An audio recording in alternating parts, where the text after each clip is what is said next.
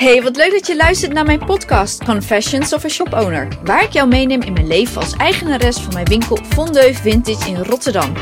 Ik ben Rosanne, maar de meesten kennen mij als Roos en ik kan niet wachten om alle ins en outs van het runnen van een vintage winkel met jou te delen, want daar komt toch wat bij kijken en ik ontmoet hier de meest bijzondere mensen. So, let's start the confession. Oh, en wil je op de hoogte blijven van alles omtrent Fondeu? Schrijf je dan in voor onze nieuwsbrief. Een link vind je hieronder in de show notes.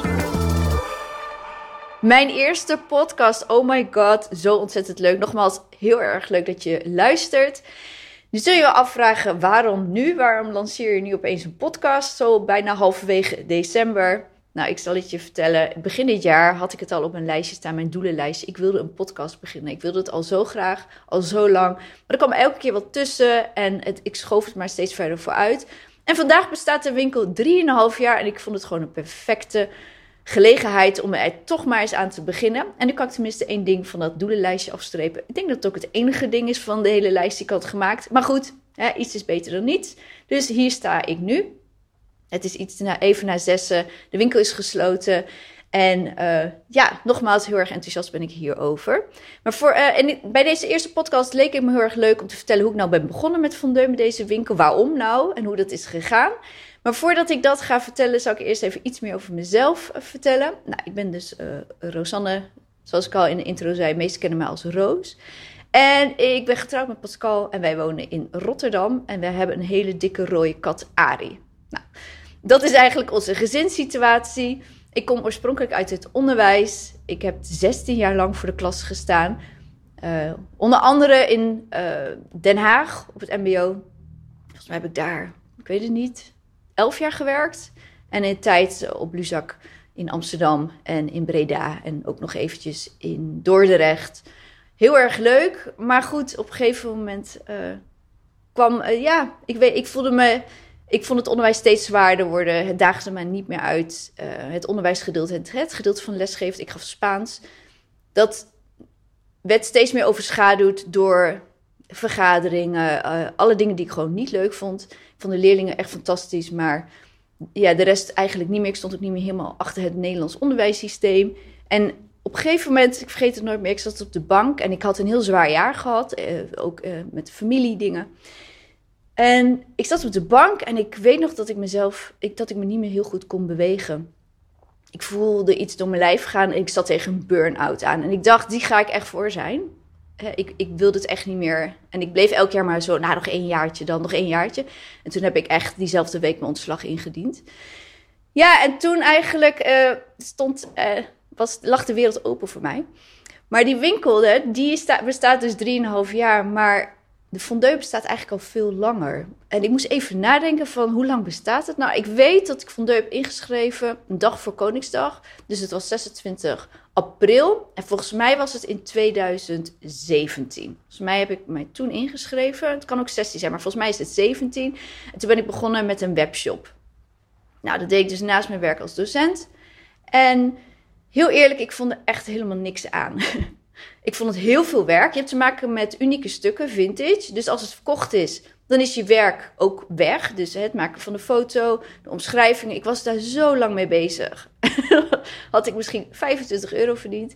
En dan zat ik alleen in mijn uh, kamer dat allemaal te doen. En ik dacht, nee, dit, uh, dit, dit, uh, dit wordt hem niet. Ik ben natuurlijk gewend om mensen om me heen te hebben, leerlingen om me heen te hebben, reuring te hebben.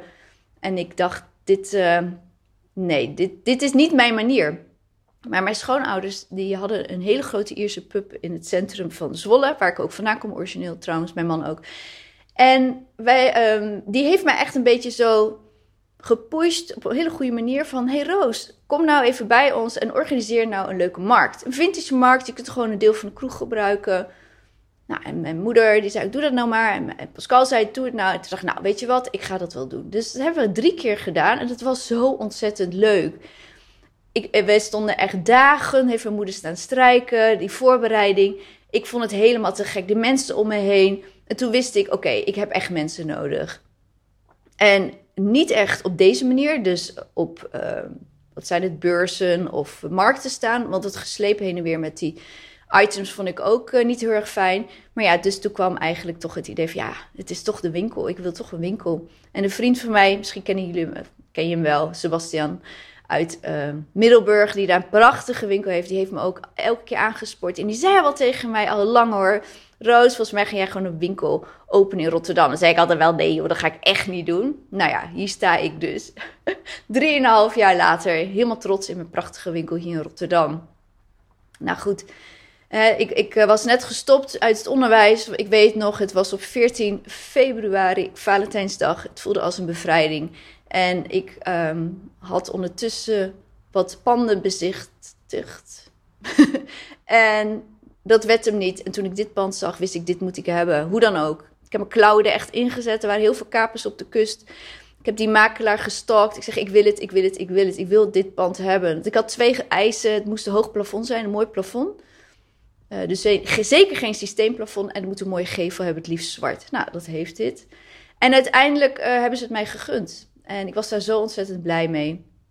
We hebben, en toen opeens, voordat ik begon, voordat ik de sleutel kreeg, kwam dus uh, COVID opeens. En uh, ik weet nog dat ik dacht, wat ga ik nu doen? Want ik wist, of tenminste ik had wel het vermoeden van, we zitten hier langer aan vast. Uh, maar ik dacht wel, ja, nee, ik ga het toch doen. Ik, ik, het is mijn droom. En ja, wat is het ergste wat kan gebeuren? Hè? Dus ik zei, nee, ik ga het wel doen. En dus zo um, zijn we gaan klussen, volgens mij drie weken lang. Het was een oude chocolaterie trouwens. Dus alles moest echt ingebouwd worden, paskamers. Heeft Pascal allemaal gedaan. De etalage. Ontzettend, ah, was echt heel erg leuk. Helemaal enthousiast. En uh, op 12 juni zijn we geopend. Nou, was een leuke. Ik, ik keek nog naar foto's van toen en filmpjes. Het was toch zo kaal en de blok stond er nog niet. En hing nog niet zo heel veel kleding. En ik weet nog die stress die ik had. En was, niks was nog geprijsd. En wauw. Maar goed, het was natuurlijk een ontzettend leuke dag. En er was champagne. En mijn schoonzusje was er, Lindsay. Nou, het was heel erg leuk. En um, ja, toen, was op een zaterdag was dat, ik vergeet het nooit meer. En toen op dinsdag stond ik daar alleen.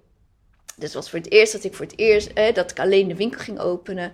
En ik stond en toen besefte ik mij opeens wat ik gedaan had. Ik, ik sta hier in een winkel. Ik heb nog nooit van mijn leven in een winkel gewerkt. Ik weet helemaal niet hoe dit werkt. Wat moet ik doen eigenlijk? Dus ik, raakte, ik had zo'n heel klein moment van: oh jee, wat, wat, wat ben ik in godsnaam aan het doen? Maar dat moment, dat was eigenlijk heel snel weg toen die eerste klanten binnenkwamen. Want ja, weet je, je hebt met mensen te maken, dat vind ik ontzettend leuk. En je hebt met vintage te maken, dat vind ik nog veel leuker. Dus uh, geen seconde spijt gehad van deze keuze. En uh, iedere dag denk ik, oh, ben ik toch blij dat ik hier mag uh, werken. Want ik, ik krijg echt de mooiste spullen. Uh, die gaan door mijn handen heen. En ik maak mensen er echt blij mee. En ik help ze met styling, ja, wanneer ze dat willen. En dat zijn allerlei dingen die ik heel erg leuk vind om te doen. Dus ik voel me echt heel erg blij dat ik hier na 3,5 jaar sta. Het waren niet altijd even makkelijke jaren, want COVID was natuurlijk pittig. Maar daarna was het ook nog best wel. Is het niet altijd makkelijk om alles te bekostigen. En nou ja, goed, je kunt het wel een beetje voorstellen, denk ik. Maar ik ben wel heel erg blij dat ik nu eigenlijk eindelijk onderdeel maak van Rotterdam. Want ik woon al 15 jaar hier. Daarvoor heb ik altijd in Zwolle gewoond. En um, in die 15 jaar had ik hier nog nooit gewerkt. Ik werkte altijd in Amsterdam, altijd in Breda, in Den Haag en nooit in Rotterdam. Dus ik voelde me nooit heel erg verbonden met de stad, wat ik wel heel graag wilde. Dus daarom zei ik al, ja, die winkel in Rotterdam, dat is wel heel erg belangrijk voor mij. Want nu ben ik echt een deel van de stad.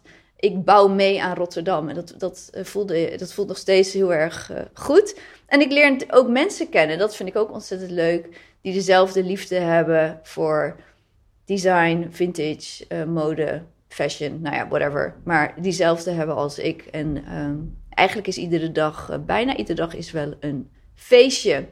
Dus dat is eigenlijk hoe ik ben begonnen met uh, fondue. En mag je, misschien vraag je je ook af, waar komt die naam nou vandaan? Ja, ik wilde daar, ik wilde eigenlijk een hele mooie filosofische uitleg over geven, maar die is er gewoon niet. Kijk, ik heet van achter, nou, Pascal heet van achternaam, ben getrouwd, heet van achternaam Fontijn. En ik heet Deuzeman. Nou, misschien kun je wel een beetje aanvoelen. Fondeu. Nou, daar komt hij vandaan.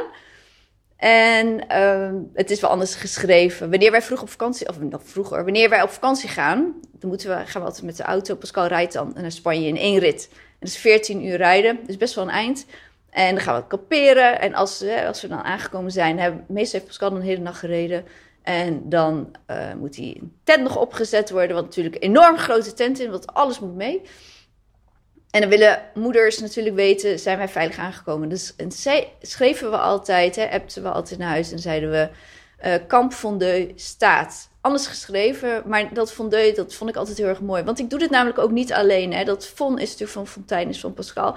Want ja, ik sta hier wel en jullie zien, hè, als je me op Instagram volgt, zien jullie mij wel steeds voorbij komen. Maar hij is wel de drijvende kracht die achter. Hij doet alles. Uh, hij, hij, hij uh, qua nou ja, website die er even een tijd al uit ligt, maar weer om, hè, binnenkort weer de lucht in gaat. Helpt er mij. Hij heeft hier uh, lopen bouwen als een malle. Hij draait hier af en toe zijn muziek. En met wanneer ik leuke evenementen heb. hij hij steunt mij. Hij gaat, deze podcast gaat hij ook, hij is, hij is geluid, ik moet heel voorzichtig zijn wat ik nu zeg, wat hij allemaal doet. Want laatst toen uh, vond hij het ook al niet zo leuk. En toen zei hij, weet je nou nog steeds niet wat ik doe? Nou, in ieder geval geluidstechnicus. Dus één van de dingen die hij heel goed kan. Hij weet alles van geluid en muziek kan hij maken. Dus hij maakt deze podcast ook helemaal netjes. Alles voor de filmpjes maakt hij helemaal netjes. Want ik ben nog bezig met een online programma.